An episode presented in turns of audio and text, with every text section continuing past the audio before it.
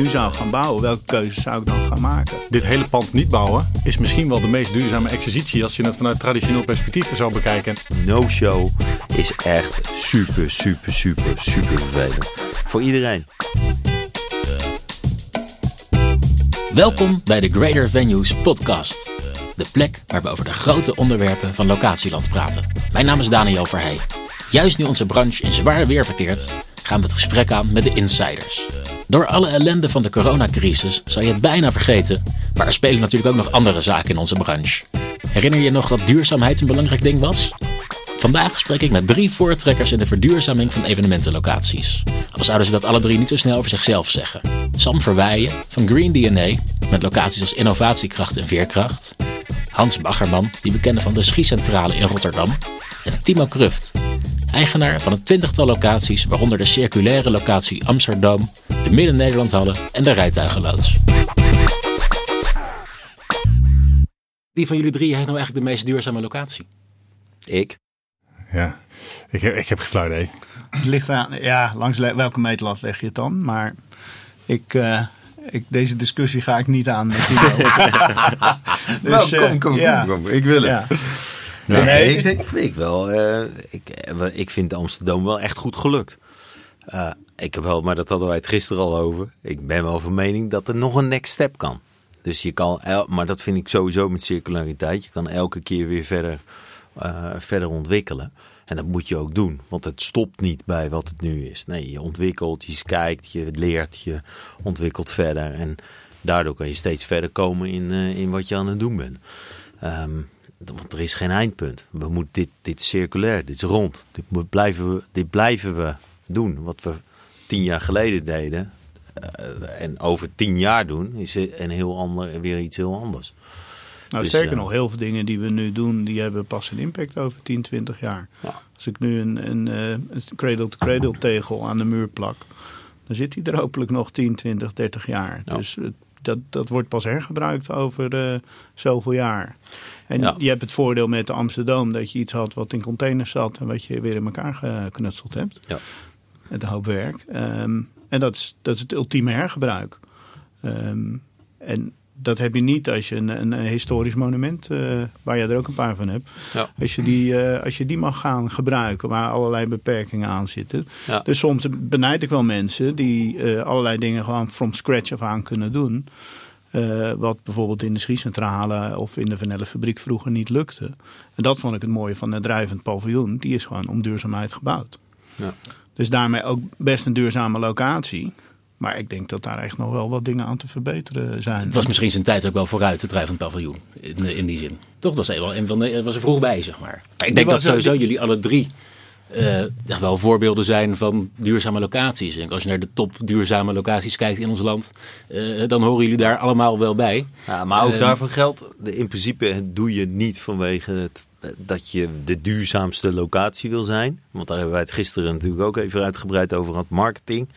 Ja, het is geen marketingding, het is een way of living. En daar moet je steeds meer in ontwikkelen. En ik vind het juist gaver als mensen zeggen, hé, hey, ik, ik, eh, ik sta nooit ergens in een lijstje, maar ik ben er wel heel hard mee bezig. Dat vind ik veel mooier dan eh, Ja. allemaal grote praten, praten van wij hebben de beste of jij. Overigens nog even over Hans, eh, wat, wat jij net zei over de industriële locatie, niet zo, zo circulair. Ik ben van mening juist die oude panden, als je die een nieuw leven geeft, door ze als evenementenlocatie te gebruiken, vind ik juist een next step als het gaat om circulariteit. Het is alleen wel hoe kijk je ernaar. Ehm, vroeger gebruikten ze de kastelen om eh, te schieten, als verdedigingswerken of eh, om in te wonen. En eh, nu gebruiken ze om een feestje te vieren. Ja, ik vind dat een heel goed voorbeeld van hoe je een gebouw door die jaren heen toch blijft gebruiken. Een, een kasteel uit 1400 wat nog steeds staat. Nou, hoe circulair wil je het hebben? Ja. Toch? Ja, Nou, heel duurzaam. Het gaat ja heel lang mee. duurzaam. Ja, super duurzaam. En dat heb je ook met een energiecentrale die een nieuw leven krijgt. Na eerst tv-studio te zijn geweest, dan evenementenstudio wordt. Maar als je kijkt van wat voor mij echt duurzaam is, dat is als ik opnieuw zou beginnen. Als ik het nu zou gaan bouwen, welke keuzes zou ik dan gaan maken? En die Nou, en ik- situatie heb ik me nog niet in bevonden. Nee, Eh, maar- Sam wel, dus ik ben benieuwd. Eh, en eh, die is ook een keer from scratch begonnen. Die is een keer daar bedacht van nou, ik ga iets bouwen. Ja. En die heeft niet gekeken naar wat is het goedkoopste wat ik kan doen, maar wat is het meest ingewikkelde wat ik kan gaan doen. Alleen de discussie is wel, is nieuw bouwen Ja. beter dan bestaande bouwen? En ik denk zelf, als ik naar circulariteit kijk en als ik kijk naar duurzaamheid, dan ben ik echt van mening dat je eigenlijk beter een bestaand gebouw kan omkatten tot, Ja. dan iets nieuws te bouwen. Maar is de definitie van duurzaamheid eh, te zoeken in, het, in het, de bouw van het gebouw, zeg maar, in de, in het, in de bouwmaterialen? En, want daar hebben we het nu continu over. Of is eh, de, de, de definitie duurzaamheid is een ongedefinieerd begrip, zeg maar. Wij interpreteren het alle drie op een andere manier. En we hebben het nu erg over het bouwen van een pand. En wat heeft dat voor een negatieve of positieve bijdrage? En hoe kunnen we dat wel of niet circulair maken? Dus het herbestemmen van een bestaand gebouw. Maar de conclusie die ik trok toen ik het pand ging bouwen, eh, voor het eerst, en ik heb een boek geschreven voorbij duurzaamheid, omdat ik me voor het eerst verdiepte in, nou, wat vind ik nou duurzaam? En, en ik moet er zelf iets van gaan vinden. En ik ben eh, niet echt getriggerd door alle mooie marketingverhalen van de bouwbedrijven. Dit is circulair, dit is duurzaam. En dus wat je gaat doen, is je gaat zelf nadenken over wat vind ik er nou van. Maar toen kwam ik tot de conclusie dat vanuit heel Nederland eh, naar één plek toe rijden in Nederland eh, om met 200 man bij elkaar eh, ergens over te praten, dat dat per definitie niet echt heel erg duurzaam is. Hè? Dus dit hele pand niet bouwen is misschien wel de meest duurzame exercitie als je het vanuit traditioneel perspectief zou bekijken. En dat, dat- vanaf dat moment is het glad ijs met, Ja. al, met alles wat je gaat doen. Hè? Dus, dus daar, daar gaat het over. Hoe eh, nemen wij onze verantwoordelijkheid als individu en als bedrijf in deze maatschappij? En, en wij als congreslocatie, eigenaren of eh, eh, eigenlijk organisatoren, hoe kunnen we nou echt onze bijdrage leveren? En ik kwam er dus achter dat dat eigenlijk op een heleboel andere domeinen ligt. en dat het pand een heel mooi uithangbord is. Maar dat is eigenlijk maar een klein stukje. En het feit dat we een biomassa-installatie hebben en onze eigen energie opwekken. En fantastische verhalen. Maar wat mij betreft niet de echte graadmeter in duurzaamheid, zeg maar. En, en ik vond het veel interessanter dat iemand zijn verantwoordelijkheid neemt die dit niet allemaal vertelt. Maar die er gewoon simpelweg over nagedacht heeft. Want het, het, ze- het zeggen, is jouw auto eh, duurzaam of niet? Dat, is het, dat vind ik hetzelfde als, is jouw congreslocatie duurzaam of niet? Ik denk, ja, is de elektrische auto nou een duurzame auto, ja of nee? Nou, daar kunnen we echt wel flink over discussiëren wat we er wel of niet van vinden. En datzelfde kun je over de locatie ook. hè. Het, gaat, maar het gebruik is zo'n wezenlijk onderdeel. En bij de auto vind ik dat 85%. En bij een locatie misschien ook wel. Ja, Ja. Duurzaamheid is natuurlijk ook gewoon een ingewikkeld begrip. Hè? Daar loop ik ook heel vaak tegenaan. Als ik bij locaties eh, langskom, dan krijg ik natuurlijk... eh, locaties vertellen mij wat ze zijn, wat ze doen. Eh, en dat ik laatst nog een keer dat ik bij een locatie kwam... en daar zei iemand, ja, we zijn echt super duurzaam bezig. We hebben bijvoorbeeld laatst alle lampen vervangen voor LED-verlichting. En dat, dat, dat is dan, dan denk ik van, ja, is dat nou dan heel duurzaam? Kan je jezelf dan verkopen als een duurzame locatie? Ik denk ook dat dat voor heel veel opdrachtgevers moeilijk is. Hè? Die worstelen daar natuurlijk ook mee. Die zoeken een duurzame locatie. En, maar ja, iedereen zegt dan van ja, ik heb, ik heb ledverlichting. Dus ik, eh, ja, ik ben op zich ben ik heel, eh, heel duurzaam. Het is geen onderscheidend punt meer. Mensen, één, ik kom geen mensen tegen die zeggen ik ben op zoek naar een duurzame locatie. Als er al iets is, dan zeggen ze ik ben een innovatieve locatie. Of een locatie waarbij het verhaal aansluit bij wat we willen bereiken. Dus een elektrische auto introduceren in een voormalige elektriciteitscentrale is meer de reden waarom ze voor een schiecentrale kiezen dan dat we een aantal eh, keuzes hebben gemaakt in, eh, in, in de bouw en in de, eh, in de manier waarop we cateren. En wat Sam zegt, dat is, daar, ja, eh, daar ben ik wel met hem eens. Onze impact zit hem niet zozeer in hoe wij ons pand eh, beheren. Dat moet goed zijn. Maar dat is meer die duizenden, tienduizenden. Ik denk als we het bij elkaar optellen, honderdduizenden mensen die op, op de been komen. En bij ons op de locaties langskomen. En dat die misschien iets meemaken wat iets anders is dan ze gewend zijn elke dag. Daarmee kunnen we de impact bereiken. Als wij met z'n drieën besluiten om één dag minder vlees te serveren, dan heeft dat mega impact. Dan kunnen we allemaal in actie naar ons werk. En eh, dan hebben we meer, bij wijze van spreken, zeg maar, die, dat soort impactbeslissingen, die, die hebben zoveel effect. Eh, dat, dat hebben we half niet in de gaten. En, we, en onze opdrachtgever, die vindt het eigenlijk veel belangrijker om toch even te horen eh, dat we wel ledverlichting hebben met de biomassa-installatie. En bij mij is dat wel wat vaak het geval. Mensen komen vaak binnen, hebben jullie een duurzame locatie? Of wat doen jullie dan aan duurzaamheid? Dan denk ik, ja, dan ga ik dat even, dat eh, standaard riedeltje even af. Terwijl ik dit helemaal niet interessant vind. Ik denk, dat is, weet je, als van jouw 350 mensen die zich aan hebben gemeld, 100 mensen niet komen omdat ze de verantwoordelijkheid niet voelden, dat vind ik een kwalijke zaak. En, daar moeten we wat aan doen, zeg maar. Want als je in die no-show en het- het weggooien, we kunnen ons hele diner super duurzaam eh, gaan maken, maar als we de helft weg moeten knikkeren, ja, wat, wat hebben we er dan aan? Hadden we beter een traditioneel, eh, eh, goed uit, eh, uitgepast diner kunnen maken, want dan was dat duurzamer geweest. Het, dus het, is, het is gewoon een moeilijke maatstaf. En het komt dus continu neer over ja, wat vinden we er zelf van. En hebben we erover nagedacht. En, en ik merk zelf bij opdrachtgevers, want die komen allemaal met die vraag. Maar als ik drie vragen terugstel, nou, dan wordt het wel heel gauw dun in één keer. Dan denk ik, oh ja, hoe zit dat dan? En, uh, dus hoe sterker wij erover nadenken en hoe vastberadender wij zijn in onze beslissing of we het goed hebben of niet, dan wordt het heel makkelijk overgenomen. Omdat ze zeggen, ja, die jongens hebben erover nagedacht. Maar is dat ook niet het onderscheidend vermogen dat je over heel veel onderwerpen ben je misschien minder uitgesproken dan over duurzaamheid. Tenminste, als ik nou bij mezelf naga, als iemand bij mij langskomt die zegt ik wil dit doen met het licht of ik wil dat doen met de stoelen en de tafel, dan kan ik hoogstens zeggen, nou, ik heb de ervaring dat, dat, uh, dat het wel of niet werkt. Of nou, als je het zo wil, is prima.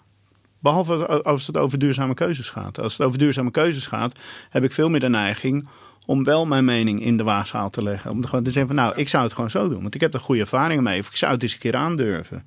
Een advocatenkantoor zegt ja, waar moeten de vegetariërs zich melden? Ik zeg wat is er voor onzin? Die mensen moeten gewoon, iedereen moet gewoon te eten krijgen en, en, en, en vrijelijk kunnen kiezen en misschien een gerechtje overslaan. Maar zorg dan dat, uh, dat er voldoende keuze is voor die, uh, voor die mensen. Ja, die mensen lopen er dan zo mee te koop. Ik zeg, nou, dan moet je durven om een volledig vegan uh, diner een keer te organiseren. En nou, dat durfde hij niet aan. Ik heb de offerte gestuurd en uiteindelijk zegt hij... Ja, maar het is niet vegan. Ik zeg, nee, jij durfde dat niet aan. Dus ik heb, nu, ik heb het nu niet zo extreem gedaan als je, als je wilde. Dus, en, en dat zou ik over heel veel andere onderwerpen niet doen. Dus ik, daar, daar betrap ik mezelf op. Dat misschien het verschil erin zit dat je meer van je eigen persoonlijke mening, je eigen persoonlijke overtuiging durft in te zetten bij deze discussie. Ja. Nou ja, ik denk dat met name het, het begint, het is waar, het begint, het is niet alleen het gebouw. Het is juist helemaal eigenlijk maar een heel klein stukje het gebouw. Het gaat dus om die no-show, wat ik een heel belangrijk aspect vind. Want dan flikker je allemaal weg en uh, wat uh, ja, ga je dan vervolgens, uh, voor wie heb je niks gedaan? Um, maar er zit natuurlijk een heel, heel batterij aan andere zaken zit erachter. Wat, hoe, hoe, hoe zit je met je energieverbruik? Hoe zit je met... Nou, nou, we kennen allemaal de evenementenbranche. De ene dag uh, halen we alles eruit. Het andere moment zetten we weer alles erin. Ja, jongens, als we het hebben over verontreiniging of over, over nutteloze energie, dan praten we dat in dat soort gevallen natuurlijk zeker over ja, nutteloos gedrag. Um, Overigens ben ik wel, ik geloof wel in door, door die gebouwen juist te laten zien wat ze nou net weer anders hebben dan, een, eh, dan gewoon een, eh, ja, een, een vierkant hok. Dat je daarmee mensen ook bewust maakt hoe je uh, ja, toch wel wat duurzamer in deze maatschappij kan gaan komen te staan. Het heeft mij wel geholpen. Want ik dacht zelf, ja, weet je, je bouwt zo'n zo'n pand, uh, het Amsterdam, en dan vervolgens denk je, ja, wat voor keuzes maak ik nu? Ja, en dan kom je erachter, die bouwer, die heeft er helemaal geen flauw idee bij. Je hebt, uh, dus je gaat zelf op zoek samen met hem en dat heeft allemaal mega impact. En later denkt hij, ja, dat is eigenlijk wel een goed idee. Laat ik ook eens uh, gerecycled gips gebruiken. Oh, dat is eigenlijk wel een goed idee. Uh, ja, dat is eigenlijk helemaal niet veel, veel duurder om, uh, om, om, om het beton met betongranulaat te doen wat 75% her, herbruikt is. dus kortom, hij gaat zelf ook nadenken over al die keuzes die je maakt. En uiteindelijk, bij mij zit er ook altijd een motivatie bij in dat je het door je duurzaamheidsaspect ook gewoon goedkoper in je in je kost kan doen. Niet zozeer in de investering, maar wel in het latere gebruik daarvan. En dat maakt een heel groot verschil. Um, waardoor je uiteindelijk op een evenement veel meer minder energie uitgeeft dan op een andere plek. Dus de keuzes die je maakt vooraf kunnen ook uiteindelijk geld opleveren gewoon in je normale ondernemersvorm. Nou, en dat vind ik heel erg een heel mooi principe, want daarmee heb je gewoon een win-win. Ja. Dus, uh, ja. ja. wat, ik, wat ik merk zeg maar, is dat duurzaamheid uh, bij een heleboel bedrijven die bij ons komen, dat, nou, de, de corporates die alle drie bij ons komen, dat ik merk dat op strategisch niveau echt wel de juiste intentie uh, aanwezig is. Dat ze het echt graag goed willen doen, maar dat ze gewoon simpelweg vaak even niet weten hoe. Hè. Dus ik, oké, okay, wij, dus, dus de vraag van um, grote overheidsorganisatie die zegt, ja Sam, we komen bij jou, want je bent een duurzame locatie en onze catering moet duurzaam en biologisch zijn. Denk, nou, dat is helemaal interessanter. Dus ik vraag het niet mevrouw, maar wat bedoelt u nu precies? Bedoelt u nu duurzaam of biologisch? Want het zijn wel echt twee compleet verschillende dingen. Maar u noemt ze in één zin en u vindt het schijnbaar al wel heel belangrijk.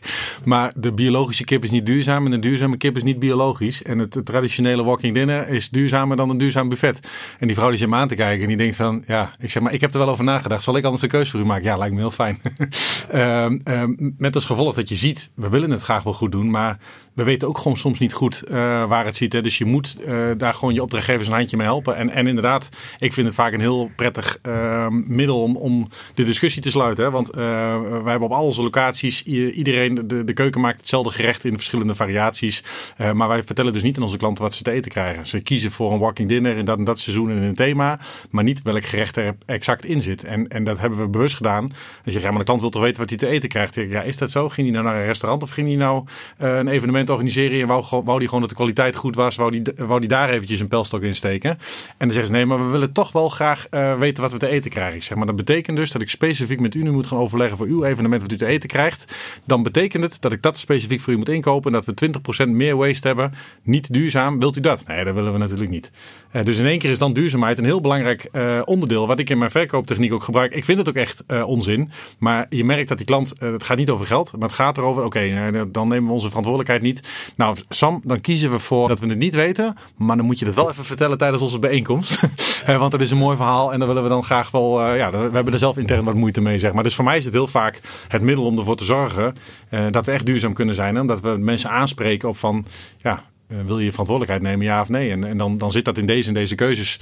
die het voor ons als ondernemer weer makkelijker maken. Waardoor we Duurzamer kunnen produceren. Duurzamer kunnen ondernemen. En... maar dan heb je wel die schaalgrootte nodig. Ja, tuurlijk, Als ik ja. eens in de week een evenement heb, dan kan ik met dit argument niet uh, nee. op de proppen komen. Nee, klopt. Nou, niet, nou, dat geloof ik niet helemaal. Want je kan natuurlijk koken in het seizoen. Dat is heel simpel. Door de juiste keuze niet te hoeven te maken een half jaar al van tevoren. Maakt het al dat je gekookt uit het seizoen uh, een hele andere... Uh, wij noemen dat dan koken zonder kaart. Ja. Um, ja, superleuk. Ook superleuk voor onze koks. Superleuk voor de uitdaging van de keuken. Want vaak zijn soms de keuzes die een op... Ja, dat klinkt wat oneerbiedig. Maar soms zijn de keuzes die een opdrachtgever maakt... niet altijd de keuzes die wij zouden maken.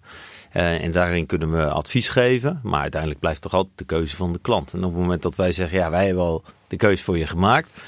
We koken uit seizoen. Uh, ja, dan is het natuurlijk fantastisch. Dan kan je helemaal los op, uh, op dat seizoen en met ja. dat stuk product wat je dan uh, iets heel moois van kan maken. Vinden organisatoren van evenementen duurzaamheid net zo belangrijk als jullie?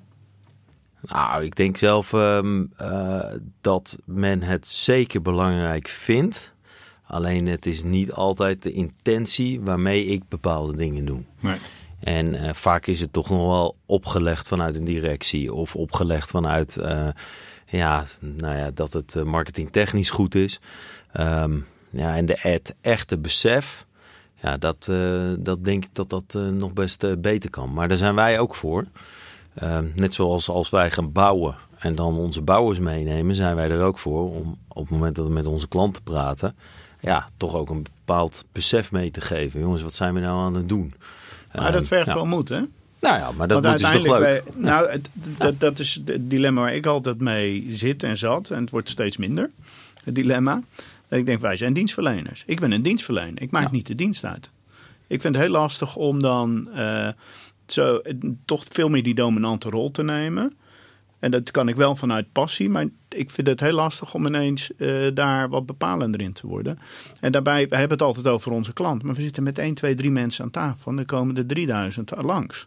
Dus uiteindelijk gaat toch ook 1, 2, 3 mensen besluiten wat uh, honderden tot duizenden mensen gaan eten, drinken en beleven. En dat is ook, dat is onze expertise. Dat wij soms een goed beeld hebben van wat, hoe die mensen zich gedragen.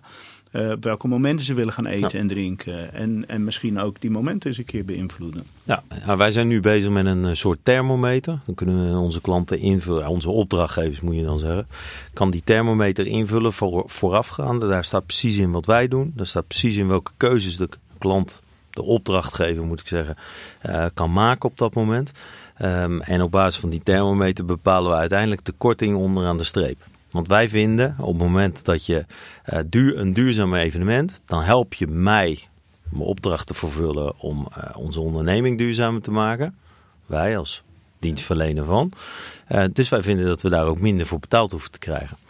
Ehm, dus een korting onderaan de streep hoe duurzaam je evenement is. Sam, ik zie jou, uh, ik zie jou glimlachen bij dit. Uh, ik denk korting. korting.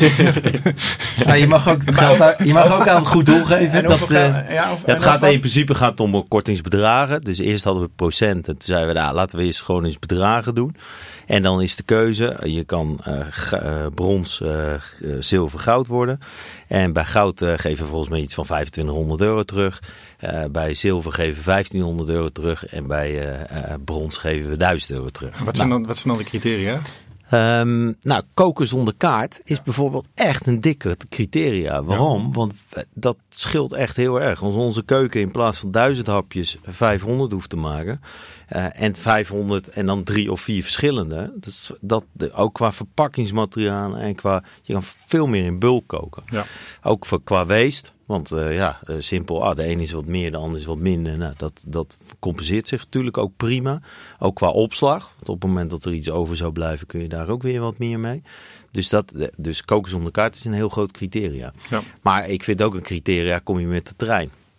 Ja, uh, ja, simpel. Als je de rijtuigenloods in Amersfoort uh, zit, kom je met de trein. Ja. Uh, het energiegebruik van de rijtuigenloods is hoger dan het energiegebruik van het Amsterdam.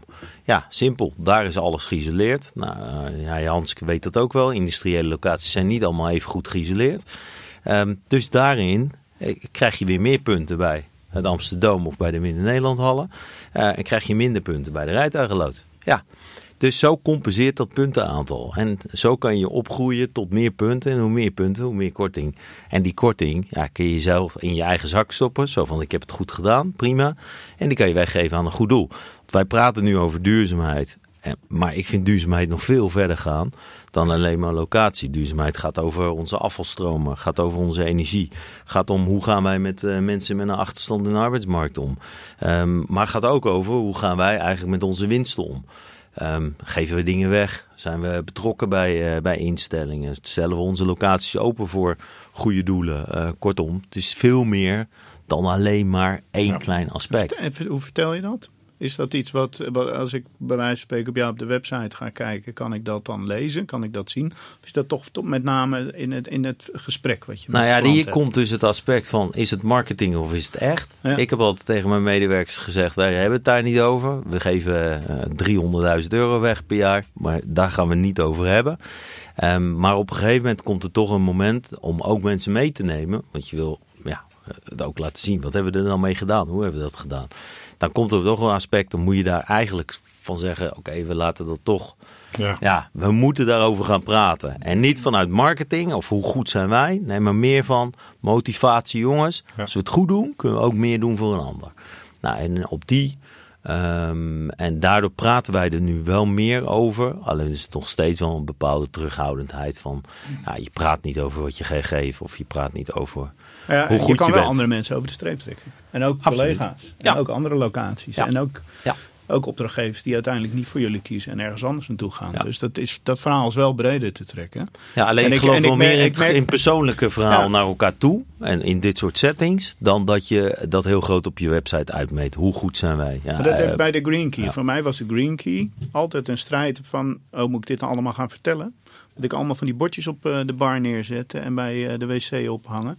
Want daar, is een van de criteria om eh, van zilver naar goud te gaan... of voldoende punten te krijgen.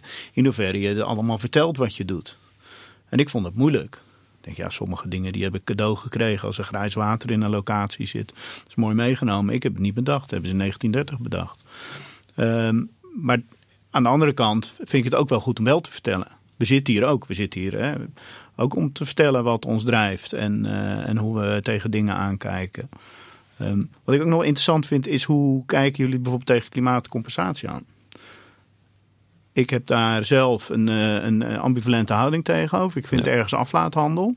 Aan de andere kant ben ik ook wel weer overtuigd de mensen die er iets meer eh, kijk op hebben. Die er ook al sinds het Kyoto-protocol mee bezig zijn, voor het Kyoto-akkoord.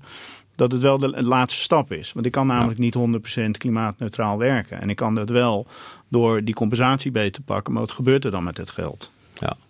ja, ik ben van mening dat, eh, dat, eh, dat als je helemaal niks doet, dan kan je beter eh, compenseren. Ehm, maar compenseren vind ik wel echt de allerlaatste schakel in het proces. Ehm, dus ik vind dat je alle stappen zoveel mogelijk moet doen. En hou je dan nog wat over, dan kan je, kan je praten over compensatie. Ehm, maar ik vind het wel, dat stapje daarvoor vind ik veel belangrijker. Echt veel belangrijker. Met elkaar nadenken. Hoe brengen we die energie terug? Hoe, hoe, wat voor soorten energie gebruiken we? Uh, wat voor panden hebben we? Hoe zetten we die evenementen in? Hoe gaan we om met dat weest? Uh, kortom, dat, dat vind ik veel belangrijker onderwerp. Maar ik ben het wel mee eens. Als je dan aan het eind wat overhoudt. Ja, dan kun je zeggen, ja, we compenseren het niet jammer dan. Nou, en als je het dan vervolgens ook nog kan compenseren, dan is het natuurlijk... Ja. Maar doe je dat dan ook? Uh, dit zijn twee vragen. Doe je dat persoonlijk? Ga ik vliegen met de KLM? Vul je dan in CO2 uh, neutraal? Um, ik doe dat wel. Um, omdat ik, uh, uh, en maar mijn dochter, die zegt gewoon keihard tegen me, je bent een ongelofelijke huigelaar. Uh, ga lekker met de trein in plaats van pak, je, pak het vliegtuig. Ja, ja en dat vind ik met wel. De trein komen. Nee, dus, ja, maar dat ja. is waar. Maar sommige keuzes zijn natuurlijk altijd: doe je iets, doe je iets niet. Um, en ik denk persoonlijk, uh, ik word ge absoluut geen milieuactivist. Maar ik vind wel dat we met elkaar een bepaalde verantwoordelijkheid hebben. En dat we die verantwoordelijkheid wel moeten gaan dragen. Ja. En, um, en dat is niet alleen maar op milieu, maar dat is ook op de medemens. En dat is ook op hoe je in het leven staat. Um, dus dat is heel veel breder dan alleen maar dat kleine, dat, dat aspect. En jij, Sam, hoe kijk jij tegen het klimaat nou, compensatie aan? Ja, compensatie. Uh, ik, ik, ben vaak spreker op congres over duurzaamheid. En dan vind ik vind het echt de grootste wasseneus die er is. En toch, ja. en toch doe ik het. Ja. Uh, heel simpel. Als je zegt van uh, we rijden in een bepaalde auto en die stoot zoveel uit en we planten daar bomen voor. Betekent het dan dat er nu bloemetjes uit de uitlaat komen van die auto? Nee, natuurlijk niet. Dus die auto is nog steeds uh, vervuilend. Hè. Dat, dat, is niet opgelost. Hè. Het is inderdaad op een of andere manier afgekocht. En uh, waar mijn grootste frustratie zit, is dat uh, de, dat is inmiddels al wel twee jaar geleden, moet ik zeggen. Dat zal vast al een stuk verbeterd zijn. Maar dat de compensatieberekeningen en de methodieken. vaak is het zo dat een compensatiefonds zegt van luister, we hebben een heel groot windmolenpark. daar komen ze 3 miljoen tekort. Dus wij investeren 3 miljoen. En daarmee rekenen we de totale CO2-reductie van het hele windmolenpark toe aan onze 3 miljoen. En, en ja. die gaan we dus compenseren. En dat is op grote schaal gebeurd. Ja. Uh, met als gevolg dat het natuurlijk gewoon echt een broodje aapverhaal is. En het een, een, een rekenkundig verhaal is. Want, uh, maar goed, vervolgens uh, ben ik bezig met, met een andere grote organisatie over te nemen. Met een heel groot parkeerterrein. En toen dacht ik hoe fantastisch zou het zijn dat ik zeg: luister, ik doe het parkeertarief gewoon uh, in plaats van een euro per dag maken we er 5 euro per dag van. Maar voor iedere keer als die slagboom open gaat, planten wij een boom. Leek mij fantastisch om dat te vertellen, zeg maar. Denk gewoon dat je iedere keer gaat hem op, bam, weer een boom ja. uh, de grond in. En plus dat je dan uh, op een leuke, grappige manier eh, mensen echt laat betalen. zeggen, ja, maar we willen eigenlijk niet betalen, we willen dat onze gratis gasten gratis kunnen parkeren. Ik nou één, je moet gewoon met de helft van de auto's komen. Dat lijkt me veel logischer. kom met het openbaar vervoer of meest belangrijke stappen bij elkaar in. Hè, want ja. ja. de vraag eventjes of, of de trein uh, uh, het meest duurzame vervoermiddel is, daar kunnen we ook prima nog een boom over opzetten. Maar het feit is, als je met, bij elkaar in de auto gaat stappen, je laat drie auto's stilstaan, nou die kunnen we heel simpel uitrekenen. Ehm, en dat, dus dat vind ik wel een interessante. Maar dat gaat bij mij weer meer om hoe krijgen we die verantwoordelijkheid wat meer terug bij de mensen. Ik had ooit wel eens bedacht, ehm, weet je wat we doen? Bij ons parkeerterrein, iedereen, we gaan van tevoren motiveren dat iedereen moet carpoolen. Iedereen die carpoolt, uh, die komt ons terrein oprijden, die krijgt van mij een tientje. En iedereen die in zijn eentje in de auto zit, die betaalt een tientje. maar dat durf op te geven niet aan. Maar, maar ik vond het wel heel Jij grappig. het wel ja. Ik durf het wel aan. Ik vond het wel ja, fantastisch. Je weet niet of ze op de hoek uh, bij elkaar in de auto stappen. Nee, maar het is, ja. weet je, dus maar goed, en hetzelfde had ik zeg maar het met, een statement. Maar, met ja. dat ik zei van de luister, stel dat je aan het einde van de bijeenkomst de dag voor zitten laat zeggen van uh, ja jongens, we hebben van tevoren een oproep gedaan over uh, carpoolen en bij elkaar in de auto zitten. En zegt wie heeft dat gedaan? En dan steken er natuurlijk uh, 20% de hand op.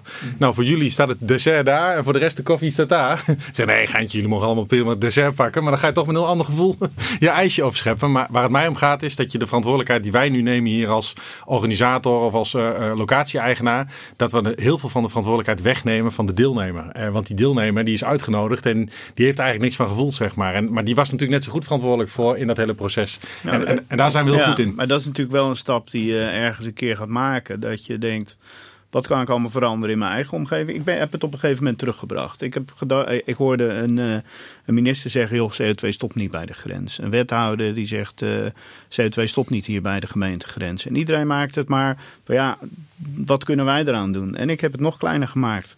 maakt me helemaal niet, zo, eh, niet zoveel uit wat andere mensen doen. Ik maak mijn eigen keuzes. Ja. Dus wat draag ik? Wat smeer ik in mijn haar? Wat eet ik? Hoe reis ik? En hoe ga ik met mijn bedrijf om?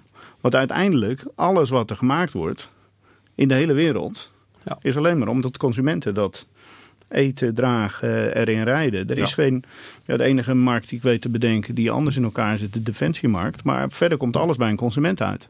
Dus wij zijn met z'n allen als consument de grote machthebber om dingen te veranderen. Ja. Door wat wij kopen. En, Nu eh, zijn jullie natuurlijk boven consument ook eh, locatiehouder, vooral in eerste in plaats eh, waarom jullie hier zitten. Ehm, en, Ja. en jullie, eh, in die zin, jullie nemen echt wel je verantwoordelijkheid. Maar het gaat natuurlijk inderdaad om die mensen die bij jullie komen. Hè? Ik had dus in het eh, locatieonderzoek gekeken eh, hoe mensen eh, ja, prioriteit geven aan groen, duurzaam. en hoe zij dat voor de komende jaren ook zien. In welke mate ze dat belangrijk vinden. Nou, dat is eh één op acht opdrachtgevers vond dat belangrijk. Nou, dat is ook wat ze zelf echt, dat ze het uit zichzelf zeiden hoor. Dus het kan natuurlijk, daadwerkelijk aantal kan groter zijn. Maar welke de- groep denken jullie eh, van eh, commerciële bedrijven, overheden, non-profit, eh, vindt dat het belangrijkst? Waar bedoel je? Als je zeg maar, dus kijkt, welke groep, welke van die drie groepen geeft het vaakst aan van duurzaamheid vind ik belangrijk bij locaties? Nou, ik denk dat het best wel een grote groep is die aangeeft dat ze duurzaamheid belangrijk vinden.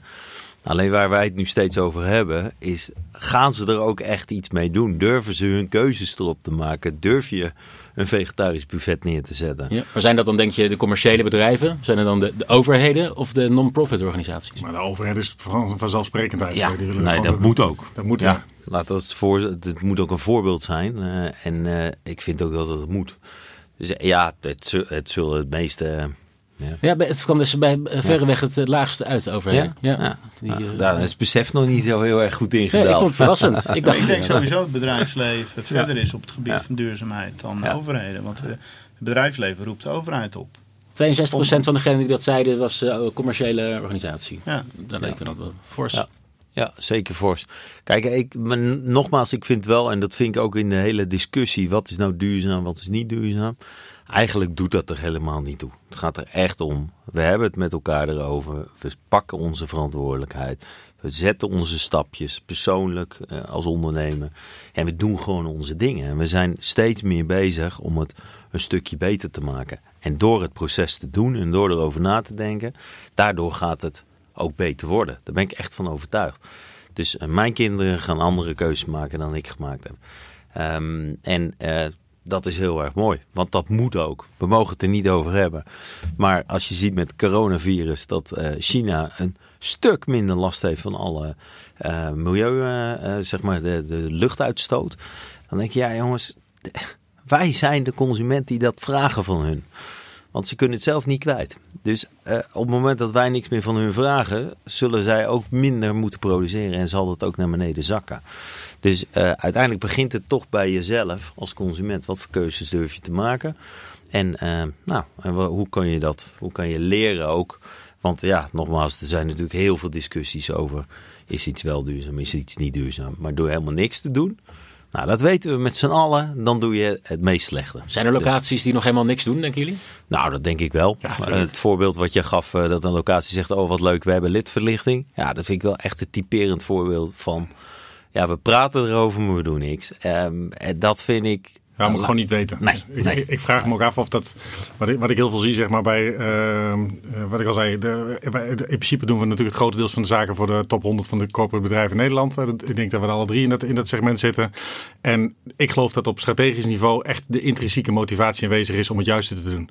Maar vervolgens eh, kom, je, kom je bij je. Nou, we moeten een eh, congres organiseren. En eh, hoe gaan we dat dan doen? En, maar het doel was niet om de wereld te redden met dat congres. Hè. Het doel was dat we onze relaties uit nodigen. Dat we een eh, onderwerp wouden aansnijden. En, en ik geloof dus in die volgorde dat je zegt, luister, we zijn hier bij, bij elkaar gekomen omdat we het hierover willen hebben. En dat willen we op een zo verantwoordelijk mogelijke manier doen. Dat, dat is de volgorde. Maar heel vaak denken mensen van, nou ja, het moet dus anders en we moeten dat duurzaam. Nee, je wil gewoon wat je doet. Je wil je klanten goed uitnodigen. Je wil dat, het, dat er voldoende eten is. Je wil niet dat de laatste met een half broodje weggaat. En eh, dat, is, dat klopt allemaal. Dus, dus dat is de boodschap en dat wil je zo goed mogelijk doen. En dat dat met de helft van het licht kan, ja, tuurlijk. De, de, weten we al, als je de helft van de lamp aan doet, ziet nog steeds iedereen alles. Eh, zeg maar, maar dat is natuurlijk niet het verhaal. De boodschap was dat we gewoon daar een kwalitatief goed evenement neer wouden zetten. En het is aan ons om te laten zien van hoe kunnen we die verantwoordelijkheid nou eventjes uh, echt nemen. Uh, wij als locatie-eigenaar, hoe kunnen we de verantwoordelijkheid terugleggen bij de organisator, maar ook weer bij de klant. Hè? Want uh, wat ik een hele, in, in, de, in de waste een hele belangrijke vind. Hè? Nou, stel dat een grote Nederlandse bank zegt van nou, wij willen graag al onze beste relaties uitnodigen. We komen met 400 man. Nou, wij weten al lang dat dat er 300 zijn en misschien wel 250. Want het was ook een soort van open inschrijving. Dus wij zeggen ja, nou, hou maar even rekening met 300. Want uh, nee, dat, dat gaan we niet doen. Want dit zijn onze belangrijkste klanten. Dus stel je voor dat ze wel komen. Ik zeg ja, maar uh, hebben jullie verteld tegen die mensen dat wij hier eten aan het klaarmaken zijn? Stel dat we niet vegetarisch koken, dat we hier een biefstuk aan het bakken zijn. Voor mensen die nu al wisten dat ze niet gingen komen. Dat wisten ze al. Want die hadden namelijk tegen een accountmanager gezegd: Ja, ik kijk nog even. Maar ja, die hadden al lang ergens anders een afspraak. En die nou, we zien, we zien wel. Zij hebben niet de verantwoordelijkheid gevoeld, zeg maar. En het is aan ons ook de taak om hoe gaan we die mensen helpen om de verantwoordelijkheid bij iedereen thuis te laten. Want de congresorganisator neemt een weg bij de deelnemer. Maar wij nemen hem ook weg bij de congresorganisator. Want wij zeggen: Hebben wij toch over nagedacht? We hebben toch een duurzame locatie? Nou, dan kunnen we nu alle lampen wel aandoen. En uh, dan is het nu klaar, zeg maar. Want, uh, dus ik geloof ook dat in de hele keten dat iedereen zijn eigen aandeel daarin heeft. En, en wat je ziet vanuit de traditionele markt, dat we dat echt al een heel stuk weghalen. En, en waar ik het ook helemaal mee eens ben, is dat de nieuwe generatie, dus ja, ik heb geen kinderen, maar jouw kinderen, nieuwe generatie, die, die mooie marketingcampagne, wat er op de website staat. Ze, ze, ze, kijken niet eens op de website. Het is gewoon totaal niet relevant. Wat ze gaan doen, ze kijken naar de echte reviews, naar hoe het echt zit. En als jij gewoon uh, niet echt voor elkaar hebt, dan val je door de mand. Ja. Dan gaat het gewoon niet gebeuren. Punt.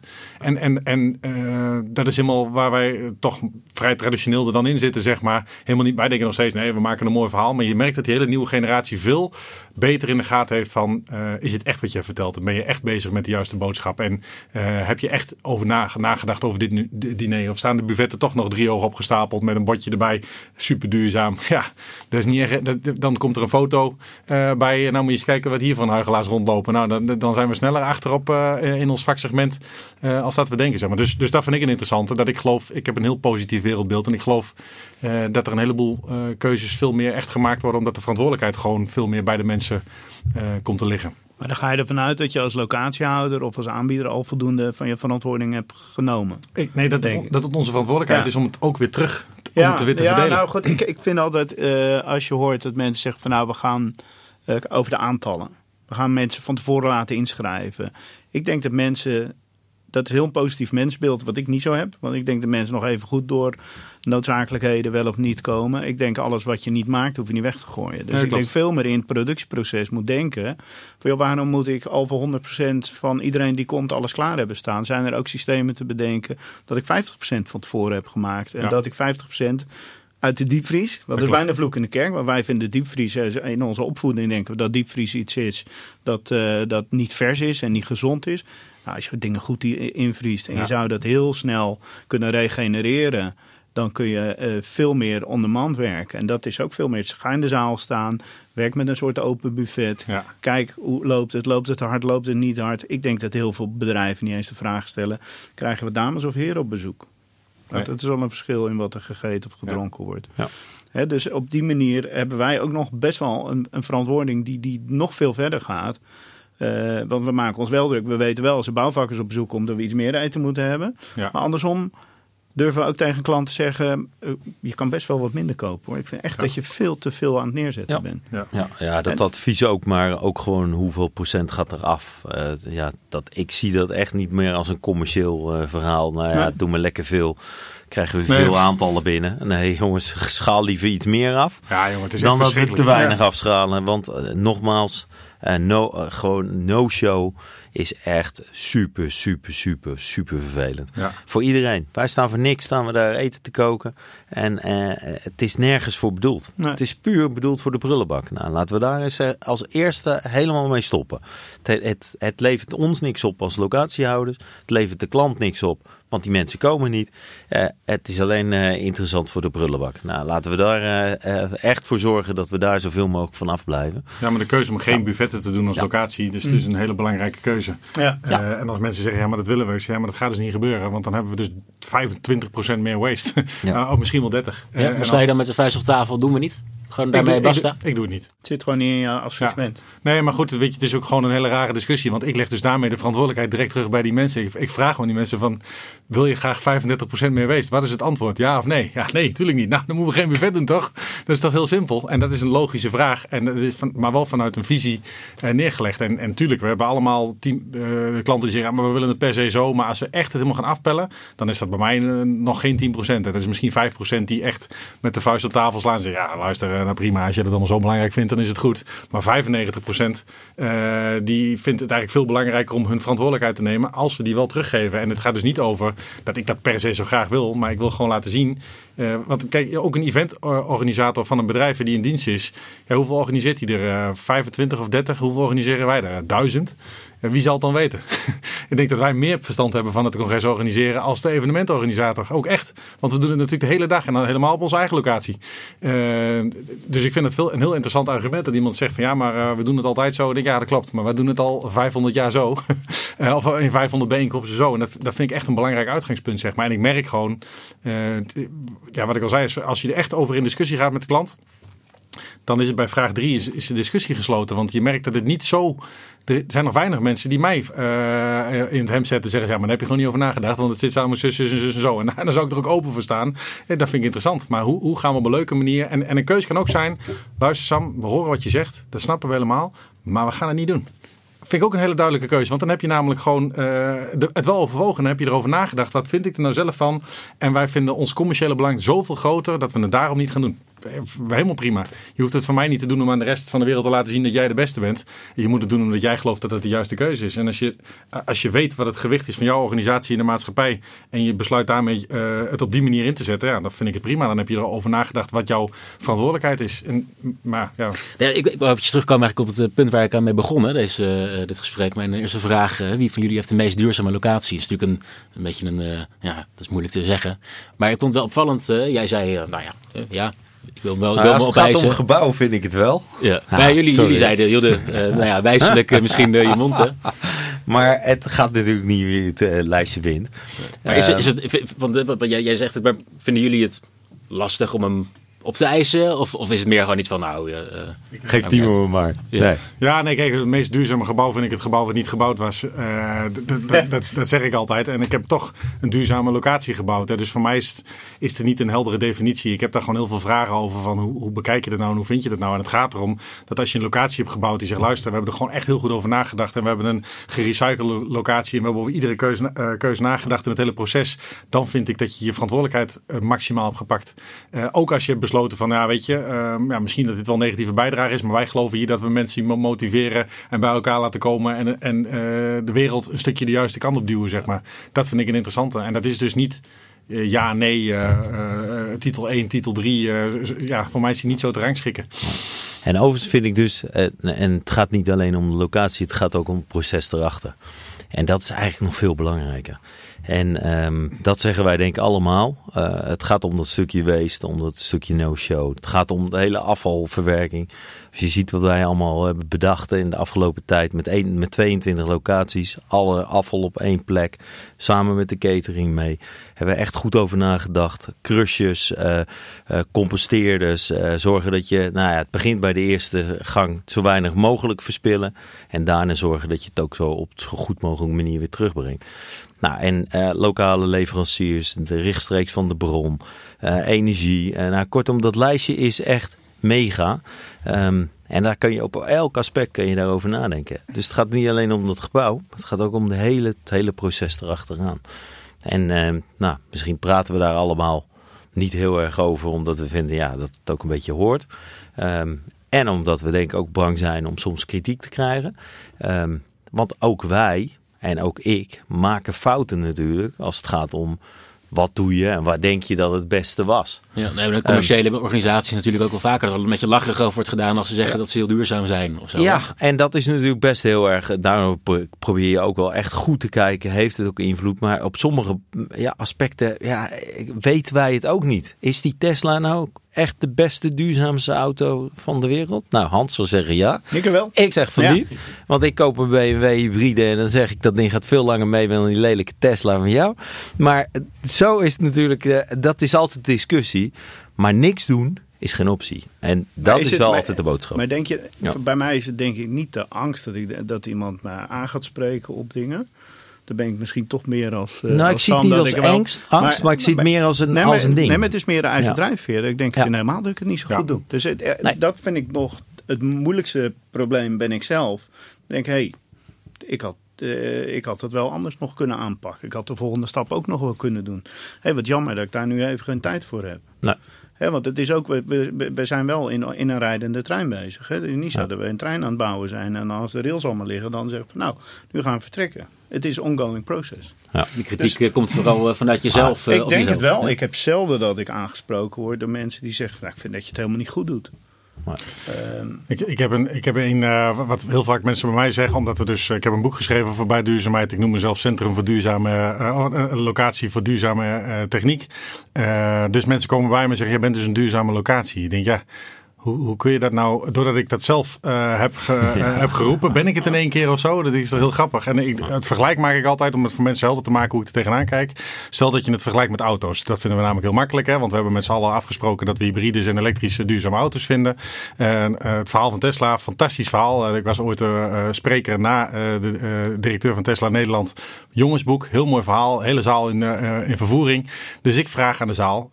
Is de Tesla nu een duurzame auto, ja of nee? Ja, dat, is, dat is dezelfde vraag die jij aan ons stelt. Is jouw locatie duurzaam of niet? Dus die hele zaal zie je kijken van, is dit nou een strikvraag? Is het antwoord nou ja of nee? dus ik zeg, nou, eh, jullie weten het niet? Nou, ik weet het wel. Maar ik weet het natuurlijk ook niet. Maar ik zeg dus tegen die zaal, luister. Ik denk dat eh, de Tesla in het productieproces waarin die vandaag gemaakt wordt, dat de accu die er vandaag in zit misschien helemaal niet de oplossing is. Dus dat die auto inderdaad niet, vandaag niet duurzamer is als de BMW eh waar Timo in rijdt. Ehm, eh, maar...